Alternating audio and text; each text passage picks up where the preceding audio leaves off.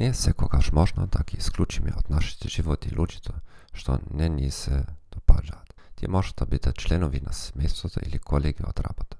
Дали знаете луѓе кои лажат, лаги, речиси, патолошки, често тие кажуваат само мали лаги.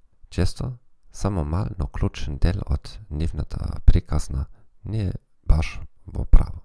Кога ќе се соочите со нив за нивните неточности, тие често пати се обидуваат да го намалат тоа или велат дека погрешно сте ги разбрале.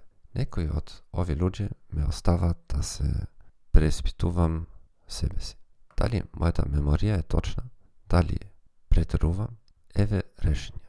Почнувате да ги документирате сите тие мали недоследности и противречности. Денес го кажа ова, но минатата недела приказната одеше вака.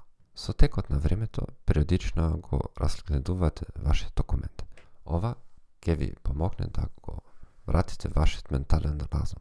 Исто така, може да ви помогне да донесувате одлуки, барем како да поставите граница за таа личност.